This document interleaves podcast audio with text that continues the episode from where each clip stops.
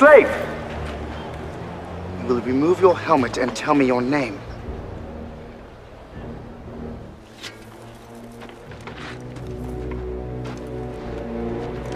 My name is Maximus Decimus Meridius, commander of the armies of the North, general of the Felix Legions, loyal servant to the true emperor Marcus Aurelius, father to a murdered son, husband to a murdered wife, and I will have my vengeance in this life or the next.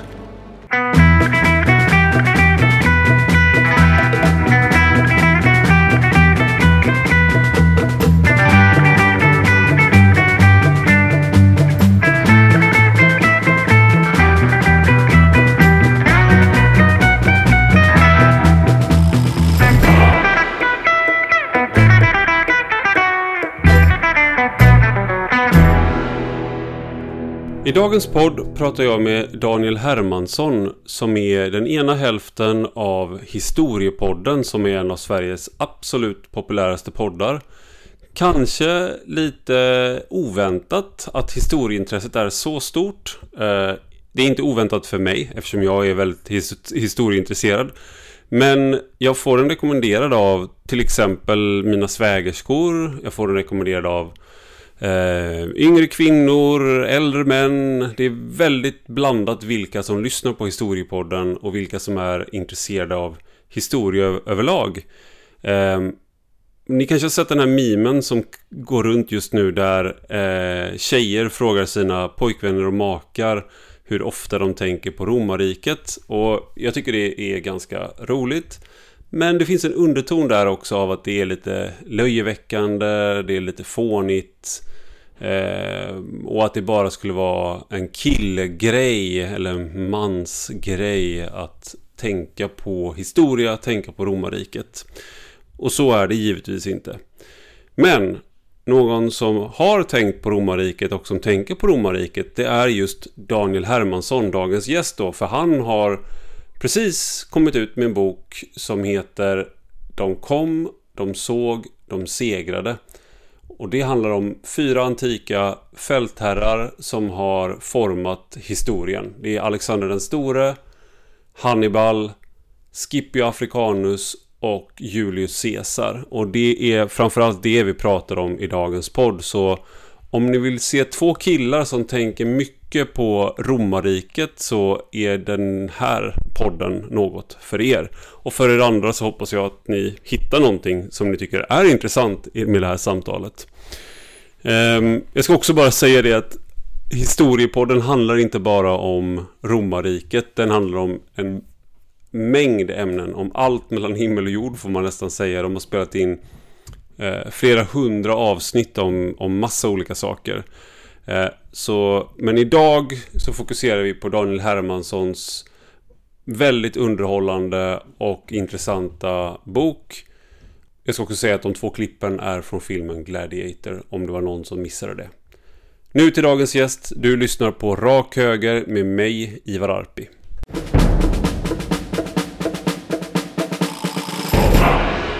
Välkommen Daniel Hermansson till Rak Höger. Tack så mycket. Eller välkommen till oss båda till ett, ett sånt här kontorshotell som jag hittade. Eh, För jag är ju numera utom Socknes här i, i Stockholm och du är Mm. utom Socknes i Stockholm också numera. Ja, det är många socknar bort. Jag bor Ja, i Östergötland, ja. så att, eh, jag vet inte riktigt. Du kommer norrifrån eller? Nej, men det är, jag vet inte om det är en komplimang eller en komplidiss eller en diss att, att du tror det, för jag kommer från Göteborg. Men då innebär det att jag har tränat bort min eh, dialekt Ja, på ett nej, sånt här ja, eh, okej. typiskt sätt när man blir tuktad av Stockholm när man har bott här för länge eller i närheten. Liksom. Mm.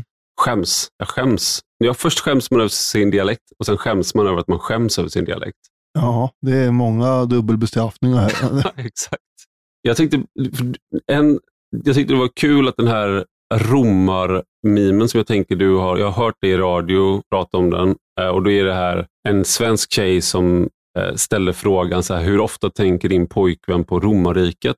Eh, och jag ska ställa den frågan, fast inte då till, din- om din pojkvän, utan om dig. Men jag har läst en bok av dig som kom ut nyligen som heter De kom, de såg, de segrade. Vad antikens fältherrar lär oss om makten och människan. Och då, då är det ju liksom eh, helt uppenbart svar på den här frågan egentligen. Hur ofta tänker du på romarriket, Daniel?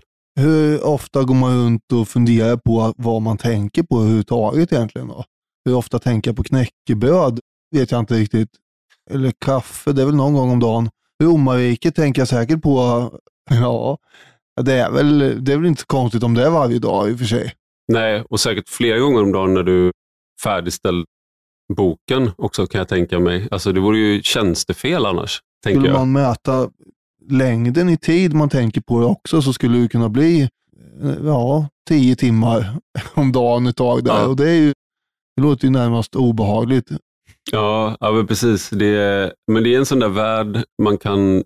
Jag har inte haft eh, möjlighet... Jag, har liksom, jag gör mer eh, stoppa ner liksom, tån återkommande. Men eh, det är en värld man kan gå in i helt och hållet, för det finns allt, tänker Mm. jag. Men vad, tänk, vad tänkte du? För jag tycker att det finns en...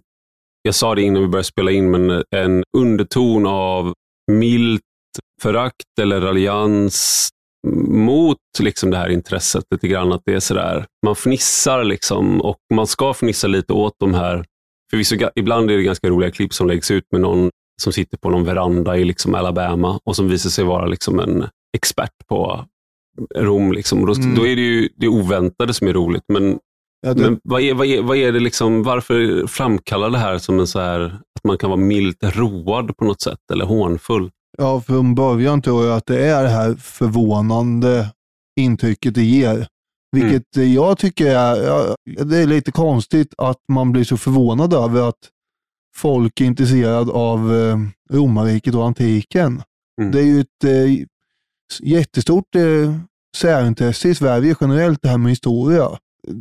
Vi kan ju dra en massa andra intressen som finns också. Mat och musik och bilar och sport och allt möjligt. Men inget sånt svar hade ju genererat eh, den här, vad ska man säga, trenden. Nej. Eftersom det inte alls så ja, oväntat då tydligen. Men jag, jag tycker att det är förvånande att det förvånar å andra sidan. För att eh, varför skulle man inte vara intresserad av liksom romarriket eller i större perspektiv då, antiken som ligger till grund för så otroligt mycket som vi har numera. Det, det finns ju väldigt eh, mycket som härstammar ifrån antiken som fortfarande är högst aktuellt och relevant idag. Så jag fattar inte riktigt heller. Jag fattar inte trenden vad det är som... Ibland spårar ju bara sådana här grejer. Mm. Så är det ju. Och sen Men tror jag jag att det, det, jag tror att det är lite överdrivet också. En del grejer misstänker jag är riggade. Ja. Och så frågar man eh, någon där hemma, jaha, hur ofta tänker du på? Och så bara, ja, nej, det gör jag väl aldrig. "Ja, Men så kan du inte säga. Du måste säga så. Jag misstänker att det är så ibland. Var femte minut och var åttonde minut tänker jag på sex. Så romarriket först, sex, två. Nej, men det, det är också någonting med, eh, med det som är att man kan på något sätt man kan vara så aktivt ointresserad av det. Eh, Mm. av, av romarriket, men av historia överlag uppfattar jag det som att, att du Ja, jag vet inte vem som var kung då. Eller ja, ja, det där var väl... eh, Alltså det där, det där har inte jag så bra koll på. Det är liksom någonting du kan nästan skylta med utan att... Ja, det blir ju poserande nästan då, att man är lite, man är lite ignorant cool som en del var kanske i klassrummet när man var yngre. Mm. Det där skiter väl jag i. Och det fattar jag inte hur det kan vara coolt när man är vuxen fortfarande. Eh, det är ju i och för sig, ja, eh, man kan ju tycka att det är så, men att man lider lite av det. Som när det gäller mig då, jag är ju väldigt dålig på matte, men det är ingenting jag helst skryter om. Nej, Utan det är ju en pinsamhet tycker jag. Nu säger jag det ändå här, men det är för att jämföra. jag ska inte quizza dig. Nej tack. jag hade ju hellre varit bättre på det Ja. än inte. Ja, men I den här boken, De kom, de såg, de segrade, så beskriver du också i inledningen hur, eh, nu nämnde jag i inledningen historiepodden, men du beskriver också din väg in i historieämnet, att det var egentligen det var inte så att du var en, den mest briljanta eh, eleven och studenten och mest motiverad, utan det var Nej. först efter igen, att du hade slutat som du började läsa och Mm. Läsa liksom, översatt, men original av Cicero och liksom översätta de översatta liksom originalverken. Och, vad var det som slog an då? Jag tror att eh, ja, det blir mycket roligare att eh, lära sig saker när man inte måste. Det är väl det som är den Mm. grundläggande grejen. Eh, När man inte blir tvingad, eller vad man ska säga, som man egentligen blir i skolan. Och jag har ju tvingat många elever också att eh, läsa diverse grejer som de inte alltid är jättesugna på säkert. Men eh, sen blev det väl då att jag tänkte, nu har jag ju ändå gått igenom eh, gymnasiet här, vad ska man med all den här? Man har ju lärt sig massa grejer, man borde ju ha, ha användning för den här kunskapen på något sätt. Och då började jag tycka att det var ändå kul att lära sig ännu mer. Sen kan jag inte riktigt svara på varför man ramlar ner i, i, i det där historieintressehålet förutom, eh, det fanns ju med lite grann från början. Det är ju en klyscha på något sätt låter det som, men det är de här serietidningarna ju. Mycket när man var barn, innan man ens fattade att det var ett historieintresse egentligen. Det här med Asterix och det är Lucky Luke och så vidare. Men sen hade ju mamma mycket historieböcker i bokhyllan om eh, allt från svenska kungar till Egypten och så vidare. Och det där började man tycka var lite intressant när man var i 18-årsåldern.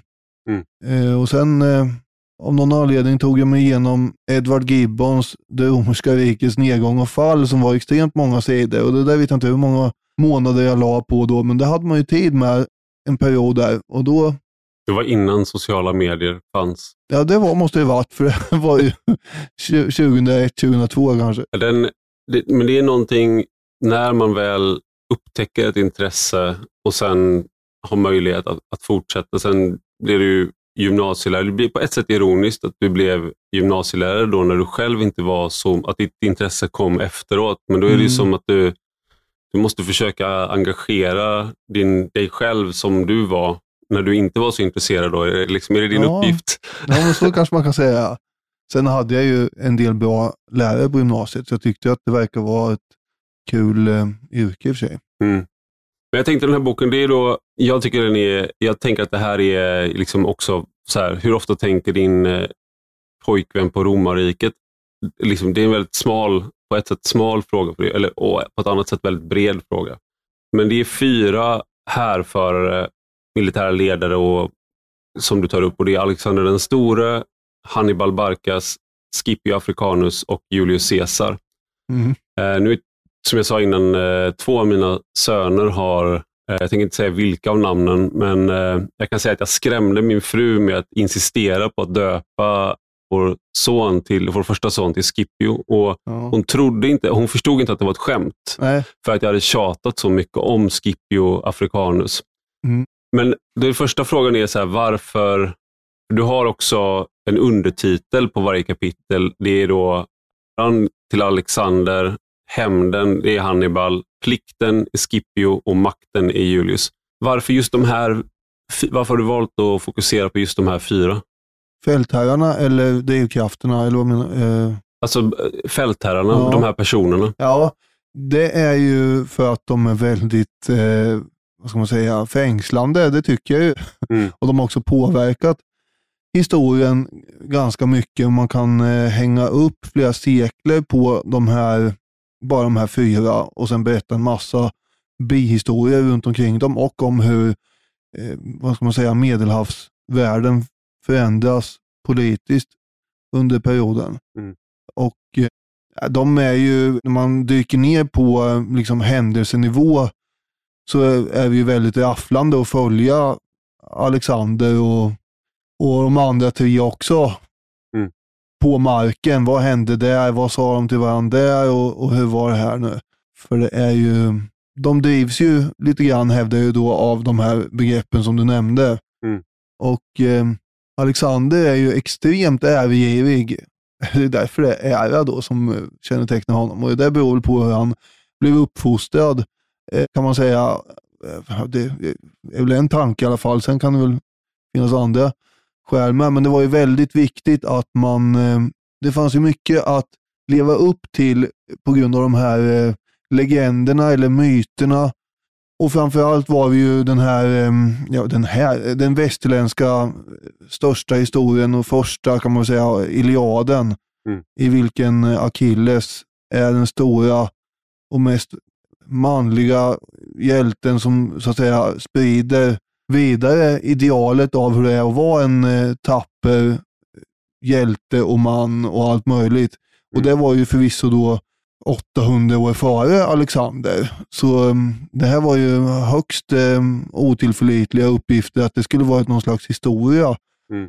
Men det var en välkänd berättelse Mm. kring Iliaden. eh, Det vill säga när grekerna anföll Troja och sådär och, och Achilles fick en pil i hälen och hela det där Mm. köret. Eh, Och då gällde det ju för Alexander då, som var enligt myten då, på något sätt hade han fått veta att han var släkt med Achilles. Han måste ju överträffa honom och det är ju inte lätt. Liksom. Mm. Det är ju, det är lite svårt. är, Man kan få mindervärdeskomplex för mindre. Ja. Eh, Men sen ovanpå det så skulle han också överträffa sin eh, far, kungen Filip den andre. Eh, Och eh, han hade ju för tusan erövrat hela Grekland och eh, underkuvat Aten och hela, hela köret med stadsstater. Och det var ju också svårt. Så hur ska man eh, överträffa honom då? Då får man ju ta och invadera Persien Mm. helt enkelt. Och, eh, det vill säga det största rike som världen hade sett vid det här laget. Mm. Ja, han drevs ju helt enkelt av... eh, Det är motsvarigheten till att, eh, inte riktigt, men det är, nu är man ju van vid tanken på att han besegrade perserna. mm, Men det är ju eh, det är otroligt dumdristigt att ge sig på den tidens supermakt Mm. som eh, så mycket av grekisk historia handlar om att man, när du vinner ett stort slag, det är inte att du besegrar perserna på deras hemmaplan, utan det är att du lyckas behålla din självständighet Mm. eh, på olika sätt. Men liksom att gå ta striden till perserna, ja, det är oväntat, ja, kan man ju beskriva det som.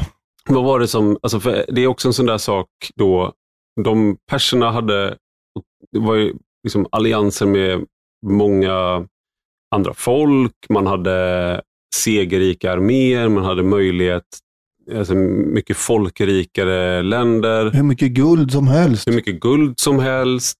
Eh, så vad är det som, liksom, hur, det är en väldigt stor fråga, men hur är det Alexander, hur kan han lyckas besegra dem i strid? Egentligen är väl grunden. Och här är det han, det är han som gör det, så att säga, som leder sina trupper i slagen och deltar själv väldigt mycket. Eh, och, och Han eh, på något plan då överträffar ju sin far, men det är ändå hans pappa Filip som har byggt upp organisationen. Mm. Och eh, den är ju högst nödvändig. Det var ju inte Alexander som gjorde det. Och jag tror att hade det inte varit så att eh, Filip hade enat makedonierna för det första i de, alla de klaner som fanns och var lite osams med varandra eh, och sen eh, erövrat grekerna och fått med dem på någon form av eh, tåg österut också, eller att de accepterade hela situationen. Då hade det inte gått så bra som det gjorde för, för Alexander. Det är helt enkelt den militära disciplinen och utrustningen och eh, de hade också fått eh, någon form av eh, nationalitetskänsla inpräntad i sig av Filip. Att ni är Makedonien, ni ska vara stolta över det. Vi är, vi, vi är hårdhudade, vi klarar allt. Mm. Och Det var ju hård disciplin. Medan då perserna var ju som du sa en massa, ja, dels var ju perserna var, var ju de som styrde, men sen fanns det massor med andra folkslag och stammar som var med i det här också. Och eh, utrustningen var ju inte lika enhetlig, eller vad man ska säga. Det var, det var ganska spretigt helt enkelt. Och sen slogs man ju mycket för att man var tvungen att slåss för storkonungen och, och så. Mm. Medan det fanns en mer, kanske, genuin stolthet bland de makedoniska soldaterna. Nu sitter jag och spånar lite här bara. Ja. Men, men jag tror det. Och sen fram, framförallt då i det högre eh, skiktet bland makedonierna så var vi ju en, de kallar ju varandra för kamratkrigare, Mm. eh, adeln och i förhållande till kungen då. Kungens kamratkrigare, den makedoniske. Sen var de inte alls så bra kamrater egentligen, utan de påminner lite grann om eh, Hitlers underhuggare i det att alla slogs ju om, eller, och kivades om att få vara eh, närmast Alexander. Mm. Och hade inte han hållit ihop det hela genom sin blotta existens så hade de ju rykt ihop, vilket de gjorde sen så fort han dog. Just det. Och det en annan eh, skillnad mot, för att makedonierna var ju, och, och, förstår från din bok, och så här, men att de, det var ju inte så att grekerna, de andra grekerna tyckte att de var eh, särskilt fina, utan att tvärtom så att de tyckte att Makedonien var liksom grannen från landet ungefär. Ja, ja Men det det. Men de hade, eh, Filip och Alexander, de hade då ett kavalleri som Mm. var eh, enastående och det var något som greker annars inte... De utmärkte sig med sina, mm, sitt infanteri, Mm. vilket sen romarna också gjorde. Men det som makedonierna hade var... Jo, så ehm, och jag läste precis en, en bok av Kenneth Harl om och han tar upp just det att Alexander är en av de få liksom, härförarna från eh, bofasta jordbrukarcivilisationer som lyckas besegra nomadarméer med kavalleri Mm. liksom på deras eget område ute på steppen. Mm. Att han även utmärkte sig där. Det är ju också tilltalande. Och allt det här gör han då, jag vet inte hur gammal du är, jag är fyller 41 om några månader. Mm. Ehm, och Jag är Alexander, där nu och fyller 42 om några månader. ja, att och- Alexander eh, jag är ju äldre visare än dig. Det får vi hoppas. Men Alexander var ju inte, han blev inte så gammal. Han blev ju eh, 33. Ja. Så han gjorde allt, allting vi pratar om gjorde han eh, med mindre tid. Eh, Det där sätter ju väldigt stor press på alla som sen kommer efter som ska göra stora saker. Så är det ju. jag tänkte ju länge att den här boken som jag skrivit nu, det vill jag ha ut före jag är 30. Ja, För, för, det, för det, som man, då har man gjort det före det. Alexander vid sin... Men eh, det lyckades jag alltså inte med och man kan ju göra då som Caesar gjorde och stå och gråta vid en staty av Alexander för att man inte har uppnått det som han gjorde vid sin ålder. Mm. för det gjorde ju Caesar. Han var ju Ja. bedrövad över att han var, han var ju typ våran ålder när han började klättra upp för någon slags politisk karriär. Och det var ju jättegammalt då i förhållande till Alexander. Ja, just det. det är, vad säger man på internetspråk? Otroligt beta att inte ha, liksom, ha erövrat hela perseriket när man är Mm. 30. Liksom. ja.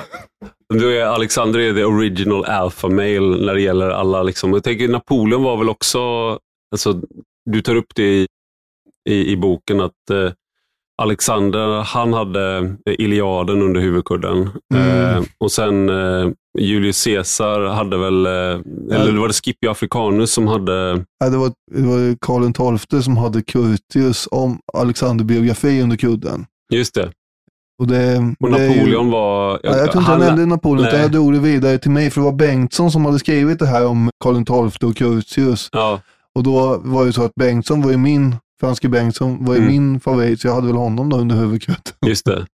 Och jag är, jag är så här snäppet över i nördighet, så jag, hade väl, jag har haft Sagan om ringen, vilket ju inte ens har någon koppling till... Eller har det det? Till Eller har det? Eller?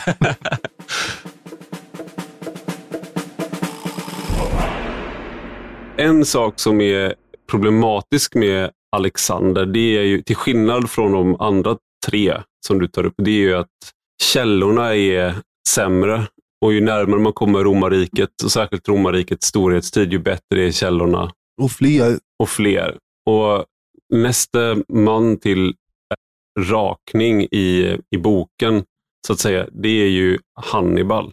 Mm. Och honom vet vi, i alla fall romarnas version om. Jag tänkte bara skulle läsa upp här för att så man förstår liksom varför det här, den här boken är spännande, men också varför det här är så spännande berättelser. En ärrad man gör sig redo att offra till gudarna. Må de skänka honom lycka, för än har de inte visat sig särskilt givmilda. Männen som betraktar ritualen ser mörkret i hans blick, bitterheten, ett osläckbart hat mot fienden han ägnat livet åt att bekämpa. Nu väntar ännu ett fälttåg. Vid hans sida står den nioårige sonen, förmodligen glad över det sällsynta tillfället med fadern. Mannen beordrar de andra att avlägsna sig, så vänder han sig mot den lille. Fadern ler. Även det är sällsynt. Frågar om pojken vill följa honom. Ynglingen skiner upp. Mannen tar sonen i handen och leder honom till altaret. Han lägger pojkens hand på offerdjuret, får honom att svära att aldrig någonsin bli romarnas vän. Fadern var Hamilkar Barkas, sonen Hannibal Barkas. Där får man ju den här, alltså det här, är, det här är ju som en, det är som att läsa, apropå Sagan om ringen, så är det ju liksom, det här är ju som taget ur skönlitteratur som man direkt, man vill ju veta mer. Liksom. Men varför, varför var han så sur på romarriket? Sur. Ja, sur är ju en beskrivning. Jo, man hade ju varit indraget i ett eh, världskrig, höll jag säga, runt Medelhavet som hade pågått i över 20 år. Det vill säga det första puniska kriget.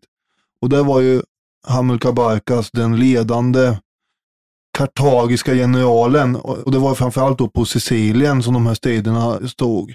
Eh, och sen var det till havs också förstås. Men det var ju väldigt, ett världskrig kanske inte var på Sicilien, men, mm. men det var ju runt hela Medelhavet. Och det hade ju då kartagerna till slut förlorat, trots att de alltså var en sjöfararnation och romarna hade ju aldrig satt sin tå i vattnet innan och ändå lyckades de då vinna det här kriget till slut och det blev ganska, det var hårt för kartagerna att eh, eh, krångla sig ur det här eh, utan att eh, gå under. Man kan jämföra, vilket jag gör senare i, i boken eller vid något tillfälle med tyskarna under 1900-talet. För man får alltså avträda hela sin eh, eh, krigsflotta och eh, de hackas ju upp och sänks, de här fartygen här framme. Och sen är det ju att man får avträda öarna, Sicilien och eh, Korsika ryker bort med. Men sen är det Sardinien som man egentligen inte, där får man ett uppror på halsen och de, det var inte med i fredsfördraget egentligen, utan det, mm. det kommer romarna att ta över när kartagerna har Eh, liksom problem att eh, freda sig där. Då kommer mm. romarna säga, ja nu tar vi över det här med. Och om ni protesterar då blir det ett nytt krig. Och det hade man ju verkligen inte råd eller möjlighet med i mm. Kartago. Och sen blev det ju då också, ovanpå allt annat, inbördeskrig i eh, Kartago, alltså Tunisien kan man säga. När alla de här eh, legosoldaterna som man hade haft på Sicilien skulle avdankas och bli av med dem. Mm. Det är inte jättelätt att montera ner en armé som har vant sig vid att plundra och härja i två decennier. De vill ju gärna fortsätta med det, var inte alls särskilt nöjda över det här. Eh, mm. Så att, eh... Det var också en skillnad mellan eh, Kartago och Rom, att eh, Kartago förlitade sig på eh, legosoldater, yrkessoldater. Istället, mm. Det var inte den egna befolkningen Nej. som... Och romarna, då, då var det ju... Alltså, det var lumpen helt enkelt. Ja, det, ungefär så kan man säga. Åtminstone vid den här tiden. Och Hamilkar, det var hans egna legosoldater då som hade gjort uppror här och eh, han behövde eh, skramla ihop eh, ny armé och slå ner det här upproret.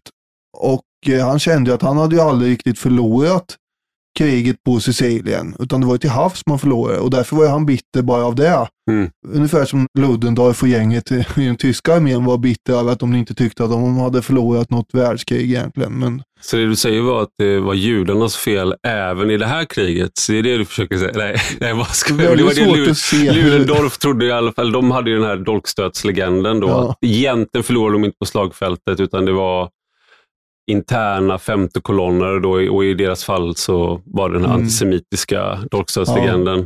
Ja, Men han tänkte då att vi, om vi bara hade fått fortsätta kriget på land så hade ja. vi, liksom, om vi inte hade förlorat till havs. helt realistisk här, för de hade ju Nej. förlorat till havs och därför ja. så var vi ju kört ändå. Men var, just från hans perspektiv så var vi ju inte riktigt kört, då tyckte han. Nej.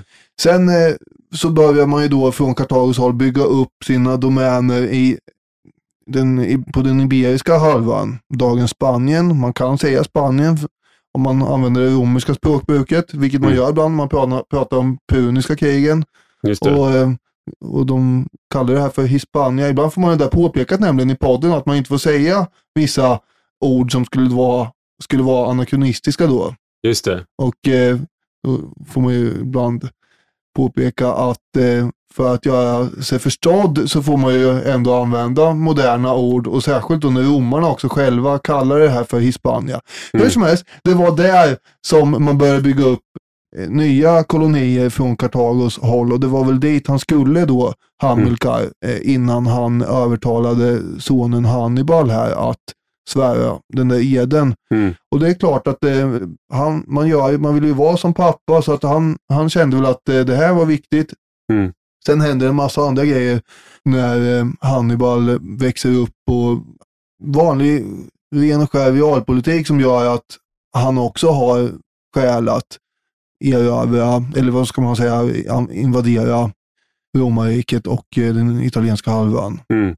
Han säger det här efter kriget, efter det andra puniska kriget, när han är på flykt mer eller mindre hos en kung i dagens mindre Asien och den kungen är ju indragen i strider med romarna mm. och vill vara säker på att han, inte, alltså Hannibal, hans gäst, skulle göra någon slags deal med romarna. Och då berättar han det här för den här kungen att när jag var liten så svor jag den här eden.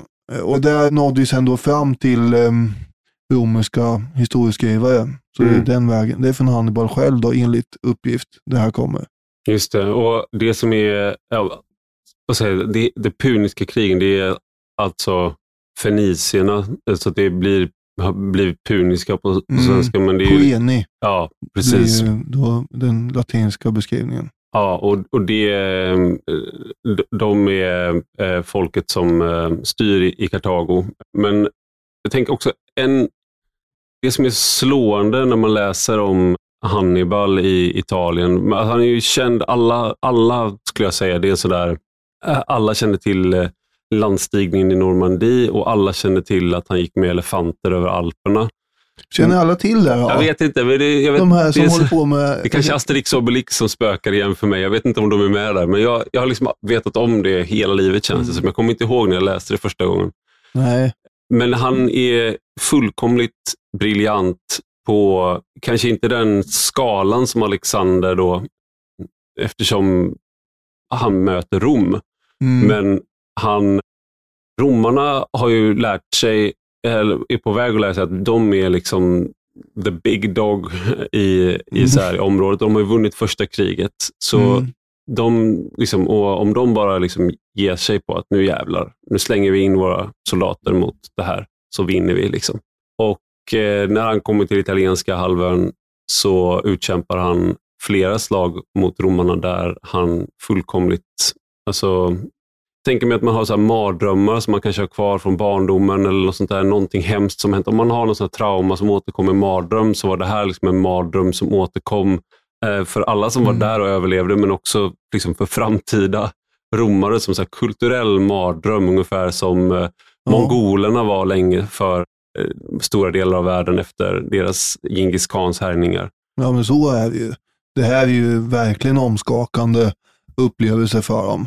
Först är det slaget vid Trebia där eh, arméerna bara blir krossade. Det är ju mellan 15 och 20 000 som stryker med.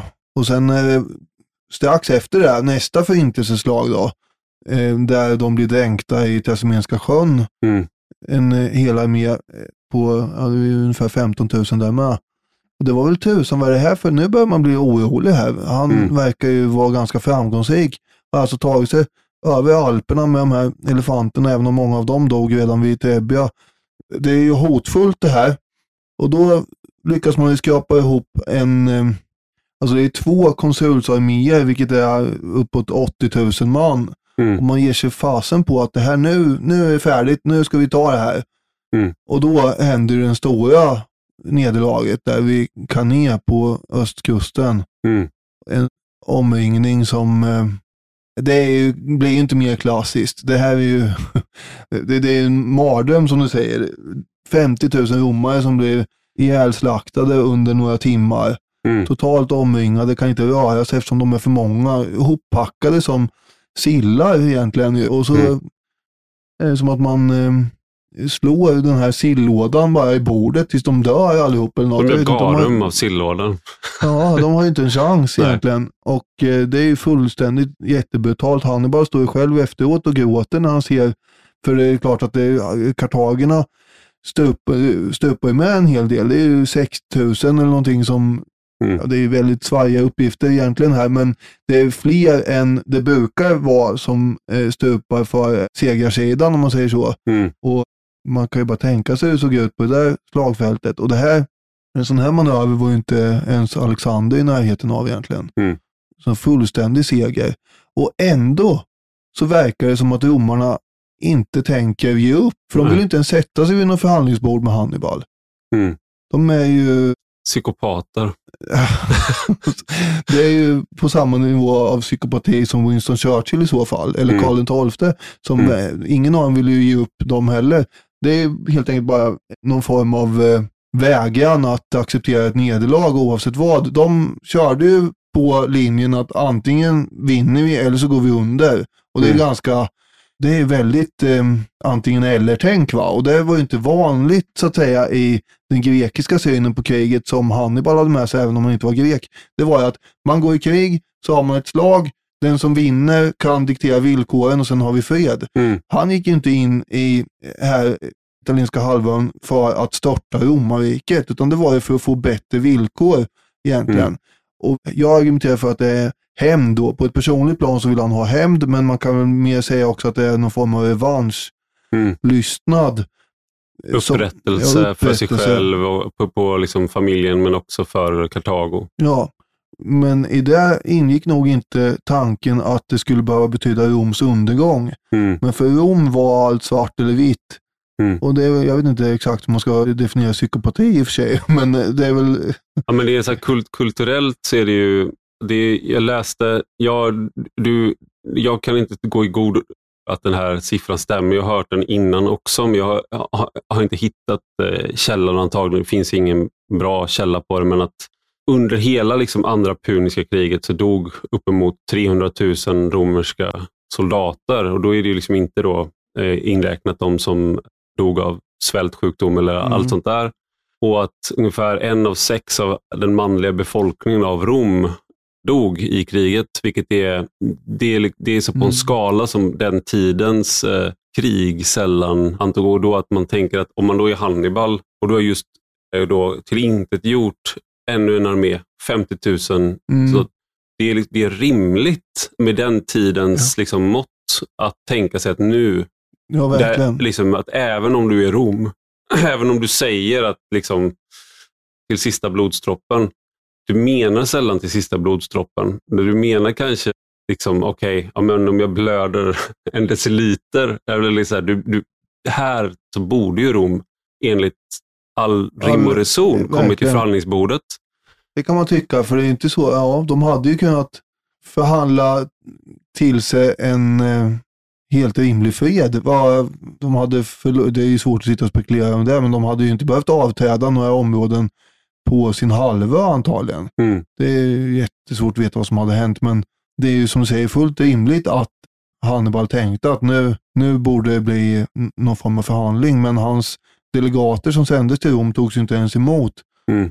Och istället fick han kuska runt i södra Italien i 16 år till innan romarna i sin tur invaderade Nordafrika och han var tvungen att åka hem för att försöka rädda sin egen hemstad. Och här kommer vi då till den, eh, den din, mest... eh, din eh, son hade Nej, utan heta det, här, det här är snäppet innan och du, du skriver om honom. Du kallar honom den vårtige sölaren Ja, ja. Fabius Maximus. Och eh, det, det är ju en... Alltså, han, hade, han kallas för en vårta för att han hade en vårta. Ja, och han fick då liksom tillnamnet att han var en sölare, men det är också då... På engelska låter det lite eh, snällare. The Delayer brukar det översättas som det här Mm. latinska. Men han är ju, skulle jag hävda, en sån här person som... Det är ingen som vill vara eh, Fabius Maximus. Du möter Hannibal Barca, så du vet han är bättre än vad du är. Mm, Och hans trupper är bättre än dina trupper. mm. Du har redan förlorat och du har liksom, moralen är låg. Och så han lanserar en ny strategi då Mm. och den är inte så populär. Nej, men nu har man ju provat den andra strategin va? och den har ju gått käpprätt åt helsike. Rusa som en tjur Ja, ja, gång på gång. precis. De, den, eh, det kanske är den här tapperhetsauran, den, den kan man ju få utlopp för där ja, och eh, man kan få en ärorik död och allt det där. Men eh, nu har man ju eh, offrat x antal tiotusentals legionärer på det här. Man behöver gå igenom sina tempel för att få tag på vapen och, och allt möjligt. Så att Mm. man kanske är läge att prova något annat. Och, och det är som du säger, det är föga populärt att då försöka dra sig undan hela tiden och inte erbjuda strid mot Hannibal. Eftersom han bränner ju allt han kommer åt. Mm. Och det är ju få som vill se sina åkrar sönderbrända och det känns som att man eh, ger efter och så vidare. Men det är den här taktiken som passar Hannibal minst bra egentligen. Han vill ju, han vill ju få till ett avgörande. Ju, Mm. Han har ju satsat flera gånger här nu på att slå så hårt som möjligt. Han vill inte ha några halvmesyrer eller kompromissslag heller. Han vill ju ha slag där han besegrar fienden hela tiden. Mm. Och nu får han inte till det eftersom Max, Fabius Maximus hela tiden drar sig undan. Mm. Och sådana politiker som är lite eftertänksamma behövs ju också Mm. ibland. Och, och det, även om det inte är populärt så var ju det det som gjorde att Rom fick lite betänketid. Mm. Kan man väl säga. Sen, eh, han blev ju diktator också en kort period och fick möjlighet då att eh, göra så här. För på den tiden så var ju diktator inte detsamma som innebörden blev sen. Utan tidsbegränsat, var tidsbegränsat, också. ja. Ja. Och, och en, han attackerar, han gör egentligen, han grundar egentligen eh, eh, det som sen kallas gerillataktik. Man slår, Mm. man ger tusen knivstick och Hannibal är på fiendeterritorium så hans armé, liksom, de svälter, de, de behöver få till, de behöver få människor att ansluta andra städer att ansluta sig. Och han kan, det här liksom, om han skulle belägra Rom, för han tar aldrig Rom, om han skulle belägra Rom, det är en enormt kostsam eh, operation. Så det bästa för honom är om alla romarna bara marscherar ut och möter honom i öppen strid. ja, så är det. Eh, Och istället så får han då mindre och mindre resurser och han får aldrig till det här slaget Nej, på italienskt territorium. det var ju Carnén där 216 som var höjdpunkten och närmare än så kommer han ju inte sen. Det är ju, romarna styr ju över en massa olika folk på den här halvan som inte är romare också. De, eh, det är ju i Mellanitalien där man pratar latin, men sen finns det ju andra folk som sen dess förstås har blivit latiniserade, men på den Mm. tiden hade de ju blivit underkuvade av Rom och de tycker inte heller att det är kul att få allt nerbränt och då är det ju en del av dem som hoppar av så att säga och övergår till Hannibal och hade det inte hänt det var ju en del av hans mål för övrigt att få de här allierade att hoppa av och vända sig mot Rom så gott Mm. det gick. Och det gick ju delvis där ett tag, annars hade han inte kunnat vara kvar i ett och ett halvt decennium. Nej. Men, och nu eftersom jag nämnde Sagan om ringen tänkte jag också att bara, om man jämför böckerna och film, filmerna och Peter Jacksons filmer när Rohan ska äh, möta hotet från Saruman när orcherna och horden äh, marscherar. Mm. I böckerna så råder Gandalf att befäst liksom, nyckelpunkter som de inte kan passera, där de måste belägra. Så befäst Helms klyfta. Sådär. Det är Gandalfs råd, Mhm. för att då, kan, då spelar deras antal inte lika stor roll. Mm. Men det där är väldigt tråkig sak att säga i film, så då har de gjort tvärtom istället. Att då säger Gandalf att rid ut, rid ut och möt dem. Så det du har här är liksom att i, i böckerna så är Gandalf Fabius Maximus och i filmen så är han Scipio Africanus då, som är nästa person på scenen. För det, det som händer sen är ju att eh, ja, men det här pågår under lång tid och eh, det finns de som argumenterar för att det blir demoraliserande för Mm. Rom, den här fabianska strategin då, kanske har en poäng och då kommer rockstjärnan Skippy Africanus in på scenen. Men vem, är han och vad, och vad är det han tillför här? Ja, han tillför ju en massa självförtroende eh, till att börja med. Och eh, det kom från lite oväntat håll ändå. Eftersom han var ganska ung när han fick eh, sitt befäl borta i Spanien. Det är ju så att romarna hade ju inte tänkt sig att det här kriget skulle stå hemma hos dem. Mm. Utan det var ju de som skulle invadera de kartagiska kolonierna borta i Spanien. Så de hade ju redan när Hannibal började traska iväg med sina trupper och elefanter och allt eh, på väg mot Alperna, då hade de skickat iväg eh, eh, fartyg mot Spanien ju. Mm. Och den som ledde de trupperna var Scipios eh, pappa, Publius eh, Scipio.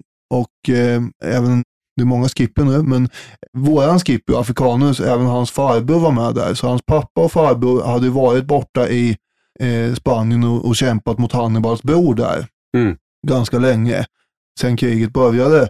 Och, sen, eh, och det- började ju 218 före Kristus. Och 211 före Kristus då blir ju de två utraderade och stupar, alltså hans pappa och hans farbror, Mm. av eh, Hannibals eh, brorsa.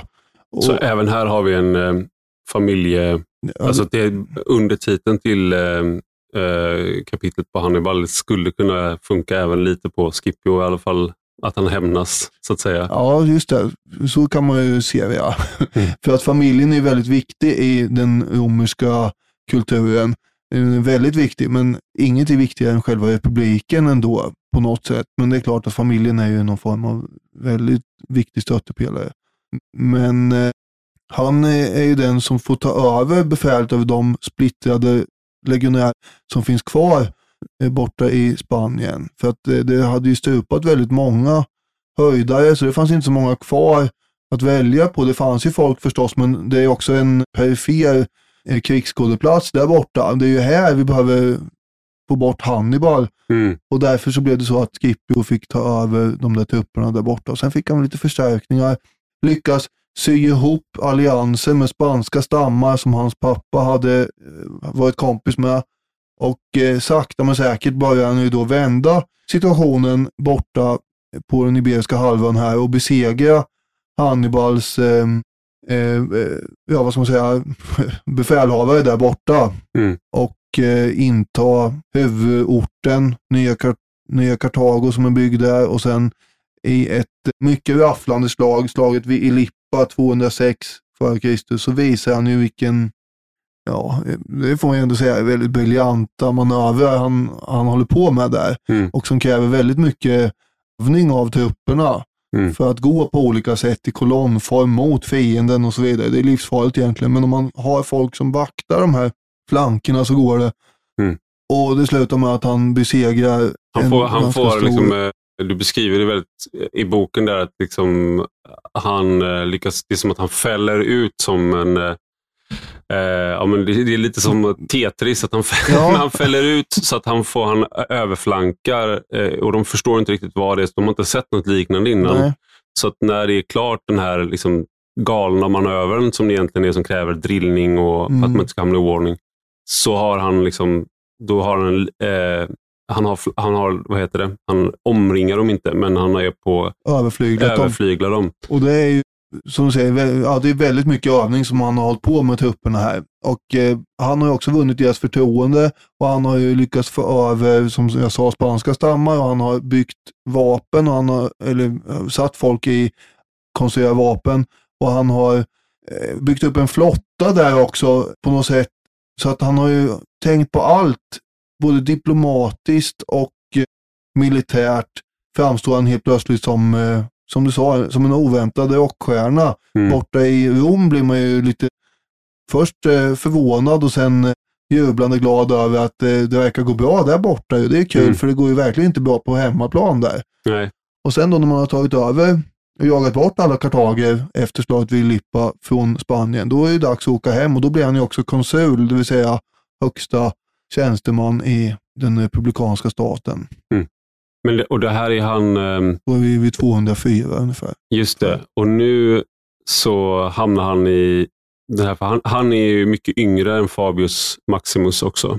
Mm. Och det är mycket Roms, alltså mycket av Roms historia som är, där det, det är liksom, eller flera av de här då, när de är ganska unga, där de ställs inför, särskilt här då, liksom, det är ett äldre garde som minns Kanae, Kanae och, och minns liksom nederlagen. Det sitter som ett, man hade inte PTSD-diagnoser, men man kan ana att vissa av dem i alla fall hade väldigt jobbiga eh, minnen och sen kommer en ung person som inte har riktigt den, eh, den rädslan. Den, Mm. sådär. Fast, eh, han var ju förmodligen med själv i Canea också. Ja, okej. Så han eh, hade ju erfarenhet från det där och kanske han var troligen med vid Trebbia också. Så han hade ju hunnit få rätt mycket erfarenhet trots sin ungdom här. Och, Mm. och Han borde vara räddare helt enkelt. Han är lite, du- men alltså Fabius tycker att han är en... Nej, för han är den som föreslår att de ska ta... eh, Nu vill jag säga det på engelska för det känns som att det är en amerika, alltså, eh, amerikansk film. Så här, Take the fight to them. Liksom, han Ja. vill så här, invadera, ta, istället för att det ska vara på it, it, italienska halvön så mm, liksom, invadera Kartagos hem, hemland. Och det är ett vågspel då förstås, för det är ju farligt att åka båt över havet och allt det där och man vet inte vad händer med armén om man skickar dit dem och sådär. Mm. Det är vad eh, Fabius tycker, att det här är ju, det är ju, Den vårtige sölaren håller inte med. nej, men samtidigt behöver man ju göra något eh, lite dramatiskt här och eh, han argumenterar för att eh, nu är det deras tur att leda här. Mm. Och jag tycker väl att eh, det är nog, jag tror att det är rimligt tänkt.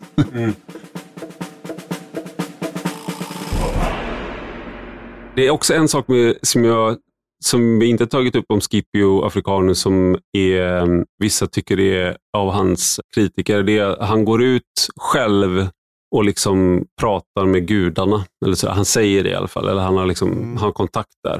Eh, och Det är också en sån här, man kan ju tänka sig själv om man hade en kollega som gjorde det och sen kom tillbaks och hade bra idéer som de absolut måste, vi, vi måste absolut göra som de tycker. Liksom. Nu har jag varit ute, tagit en promenad, fick kontakt med Gud eller gudarna och så nu tycker jag att vi gör så här. Mm. Men trupperna och många, det bygger ju upp en, eh, också en eh, legend om honom. Om Ja. att han har den där. Ja, det här är ju en annan tid än nu. Så att, eh, Ja. Och det finns väl de eh, i nutiden med som kan argumentera utifrån religiösa Det är sant. argument. Så att säga.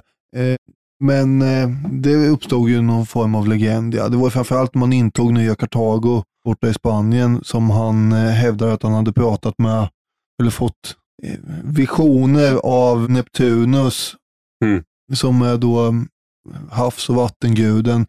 Det var ju så att Nya Kartago var ju på en halvö och var inringat av havet och på, så gick det en liten kanal eh, upp och på andra sidan så var det en, en bukt, en lagun kan man säga. Och den eh, fanns ju tidvatten på som gick upp och ner. Och Mm. när eh, det stod rätt till så kunde man faktiskt springa över vattnet med vatten upp till eh, knäna eller midjan kanske. Och då överraskade man murarna på den sidan för de var inte beredda på att folk skulle komma där. Mm. Och då menade ju Scipio att han hade fått veta det här via ett samtal med Neptunus då.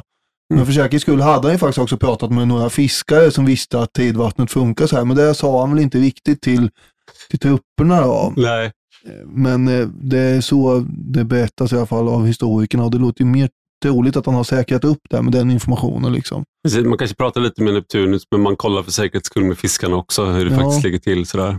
Men jag tror inte att han var en eh, hycklare på det sättet, utan han, eh, han gick ju ofta i tempel och, och sådär och satt och, Mm. och bad till de olika gudarna. Så att det, troende på de här gudarna, det var han nog och det var nog andra med. Mm. Så det var inte så konstigt som man kan tro. Man har ju den här lite, eh, vad ska man säga, i Game of Thrones, eh, där skildras ju religionen som ett totalt cyniskt maktspel. Alltså en sån marxistisk tolkning av religion där det bara är så här, folkets opium och om någon är dum nog att tro på det så är de suckers i princip. Och eh, alla som refererar till gudarna, så gott som, i alla fall ganska länge i, i tv-serien och sådär, är om de gör det som att de tror på det, då är de duperade. Och alla de coola och smarta, de fattar att det här bara är liksom Mm. ett skuggspel. Och det där är liksom väldigt modern Ja, fransk, liksom, för så där var det ju inte eh, under, eh, det kan ha funnits en sån, sån aspekter också, men det var, de trodde ju, särskilt under den här republikanska Mm. tiden vi är inne nu, fanns det en, en man, man, man skojade inte bort liksom järtecken och tempel och gudar. Det gjorde man inte. Nej. Sen eh, när man kommer längre in närmare vad ska man säga, Jesu födelse, då, då börjar det bli lite mer att det fanns mer, fler och fler cyniker, kan man Mm. säga. Vilket det var en hel eh, filosofisk skola i och för sig. Mm. Men eh, realpolitiker också som kanske inte alltid, som Caesar som var överstepräst på pappret, men som egentligen inte eh, brydde sig så mycket om det där, utan han tolkar ju järtecknen så att de skulle gynna hans karriär. Mm. Det är ju väldigt eh, Praktiskt. Ja, och svårt att veta också eftersom det gick bra i karriären om, om det faktiskt var så att, det, att hjärtecknen, eh, vad, som Ja. var, vad som var hönan och ägget kommer vi aldrig få veta där. Vad som kom först. Nej. Men det är lite grann som att eh, hålla i en lottodragning och sen har du en lapp med nummer på, fast eh, du säger inte vad du har för nummer förrän lottodragningen är över. Just det. Väldigt, väldigt smart, men kanske Mm. inte det som inger den här känslan av andlig närhet eller liksom upphöjdhet. Sådär. Nej, Transcendens. Eh, jag tänkte också på med då när, när de kommer till, för han tar ju då striden till Kartago och det tvingar Hannibal att återvända mot sin vilja. Eh, men, och utanför Kartagos, nu hastar jag på här, men utanför Kartagos murar så utkämpas ju då, möts Hannibal och Scipio i ett avgörande slag, striden vid Sama, 202 före Kristus.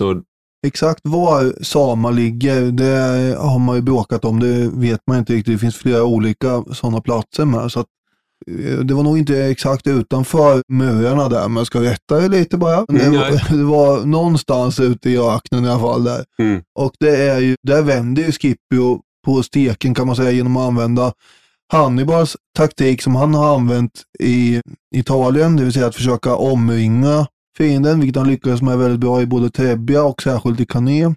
Och sen krama livsgnistan ur de som han har ringat in där. Mm. Det här lyckas ju då faktiskt Scipio med vid Samar. Mycket på grund av att han eh, också har fått till, och via sin diplomatiska förmåga, fått till eh, allianser med eh, folken, ryttarfolken, nubier, vad heter de? Numidier. Numidier är ju. Numidierna och eh, så Ja. där. Just det. Och då lyckas man ju jaga iväg eh, romarnas, och då lyckas man ju jaga iväg kartagernas eh, kavalleri helt enkelt. Och sen faller man in i ryggen på det kvarvarande kartagiska infanteriet. Det är nästan som att det är ett omvänt kané på sätt och vis. Mm. Slaget vid Sama. Men det här är ju då, när, för det, vid ett senare tillfälle, för Hannibal lyckas fly. Och det här är så här saker som är otroligt, eh, som jag har tänkt, varför har man inte gjort eh, liksom en, menar, i alla fall en tv-film, det kanske man har, men att Hannibal flyr till, du pratade om en, eh, en kung Antiochus, som han då ska hjälpa, som är en av de här kungarna som är spjärnor mot det romerska, eh, som Rom, Rom, romarriket som efter segern här blir supermakten som är utan hot liksom på Mm. Medelhavet. Men då träff, Scipio Africanus ingår i en delegation som kommer, så de sitter och äter middag tillsammans. Mm.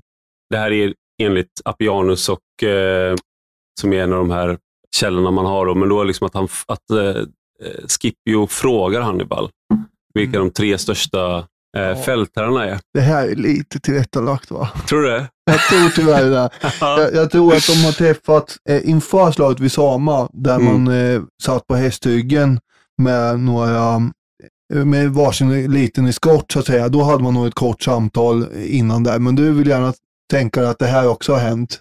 Alltså, det här är- det är så tillrätta, det, du har ju rätt i att det är tillrättalagt, men det är just det här, det, det är som historien på något sätt. För det förtäljer det ju liksom att ja, men då svarar Hannibal att ja, men Alexander är, är, är, är bäst Mm. eh, och sen eh, Pyrrhus och sen han själv. Och Ja. Pyrrhus svar, det är därför vi har pyrisk seger, men han, Mm. Han spöade romarna i massa, i massa slag, men på grund av att romarna är, är så jobbiga så dog det så många. Han, kunde, han fick ändå återvända till Grekland.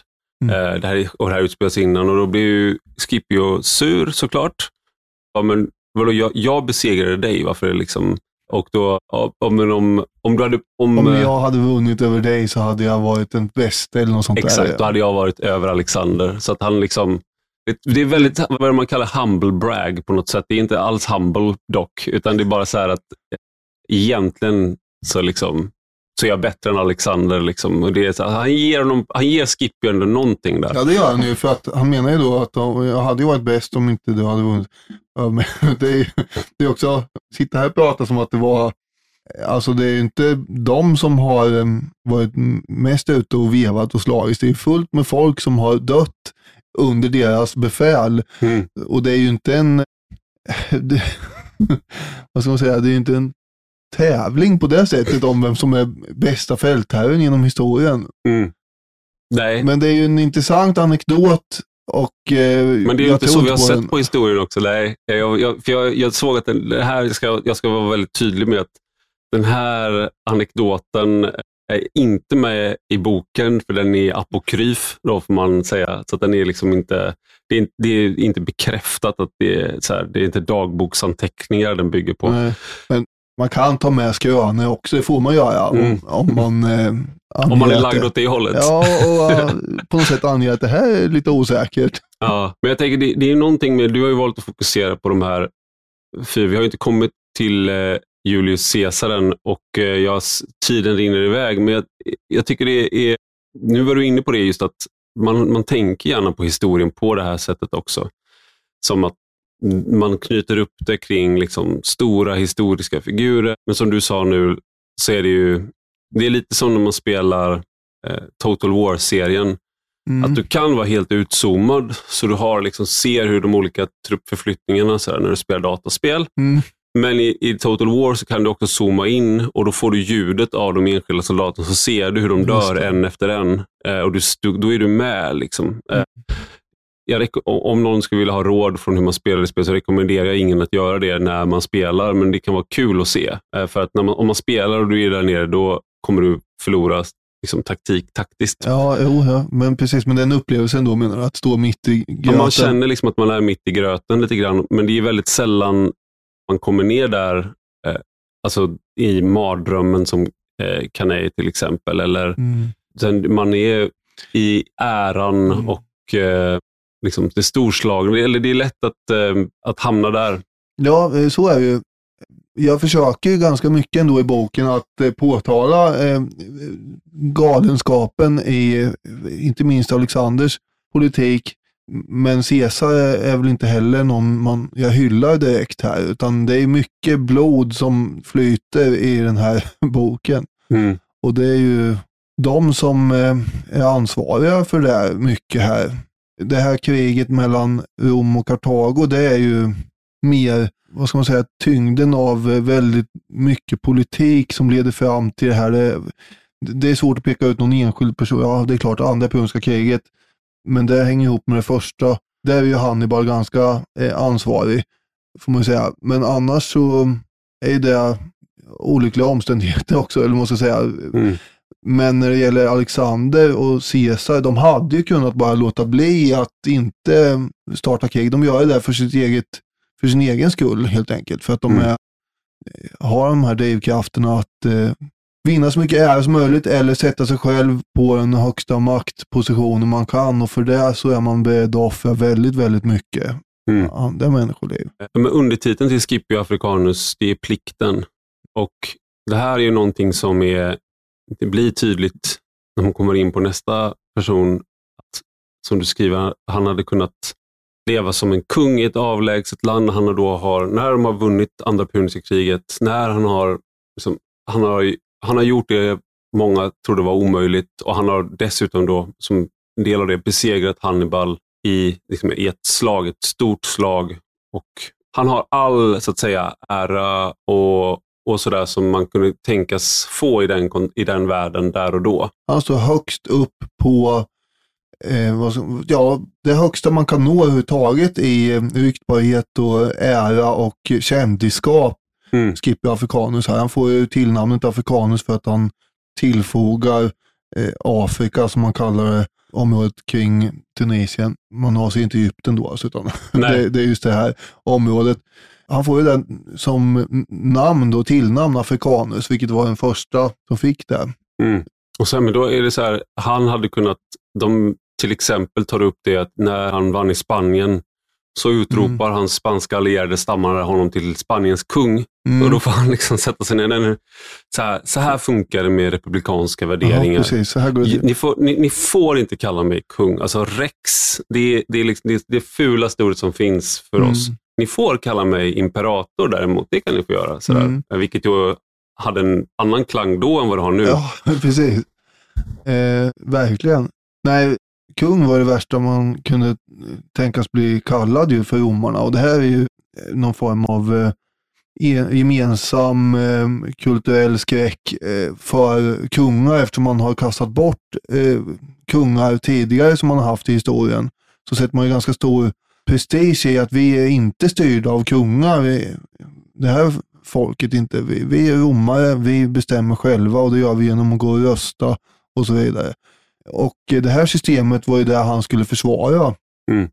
Och eh, då, de hade också ett system där man bara som konsul satt vid maktpositionen i ett år och den makten delar man då med en annan samtidigt dessutom. Så mm. det var ju väldigt, eh, det var ju ganska demokratiskt ändå för sin tid. Mm. Sen eh, är det klart att eh, alla hade inte rösträtt och det var en elit som hade råd att driva kampanjer som kunde bli framröstade och sådär. Mm. Så det gick som i USA ändå. idag. Ja, man kan säga att det finns ganska mycket beröringspunkter här. Ja. ja. Men han gjorde då det som han, folk var rädda för honom för att, som man kan tänka sig att soldaterna var tyckte att han var eh, det bästa sedan skivat bröd, höll jag på att säga. Men ja. jag vet inte om det fanns skivat bröd då. Han var det bästa innan skivat bröd. Ja, så skulle man kunna säga. Så att, så att han var... Någon som de, de kanske snarare kände lojalitet till, eller det var det man var rädd för, så man ville få bort honom på något sätt. Mm. Eh, trots att han var den här uppburen, eller, eller på grund av det. Kanske på grund, man, man, kanske på grund av det här. Man hade ju inte stött på någon som var så här populär i Rom tidigare. Mm. Han hotar ju hela systemet.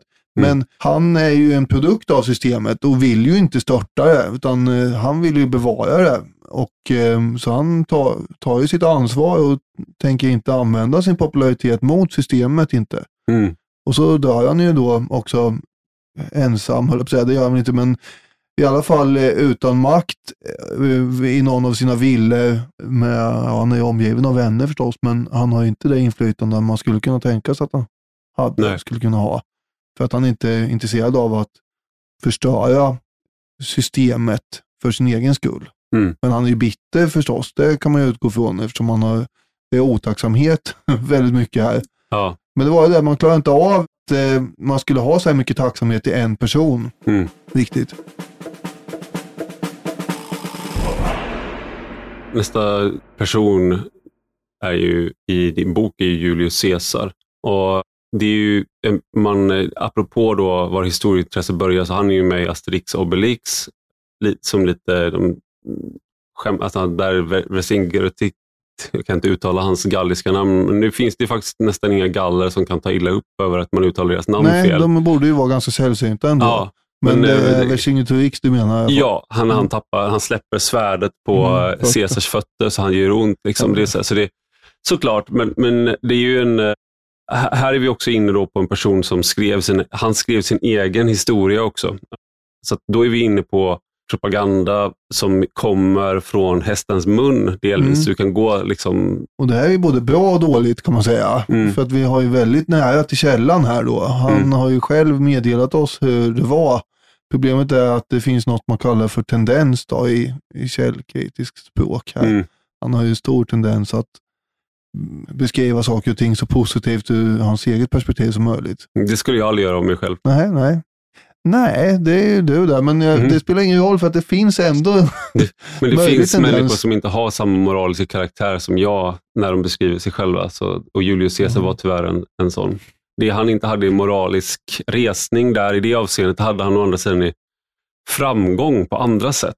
Mm, Men det, det är en, det, han, han utkämpar ju de galliska krigen och vinner på det sättet. Han uppnår samma lo- lojalitet eh, hos legion, legionerna. Nu har vi hoppat fram i tiden också. ja, nu är vi på sista århundradet före Kristus här. Så det är liksom 150 eh, år senare, lite ungefär. Det har runnit lite vatten under broarna ändå här sen Mm. Scipio sa att jag inte tänker starta något system för min egen skull. Jag lägger mig Mm. ner och dör här istället. Mm. Eh, Det är många däremellan, i alla fall några stycken, som inte har tänkt likadant ju.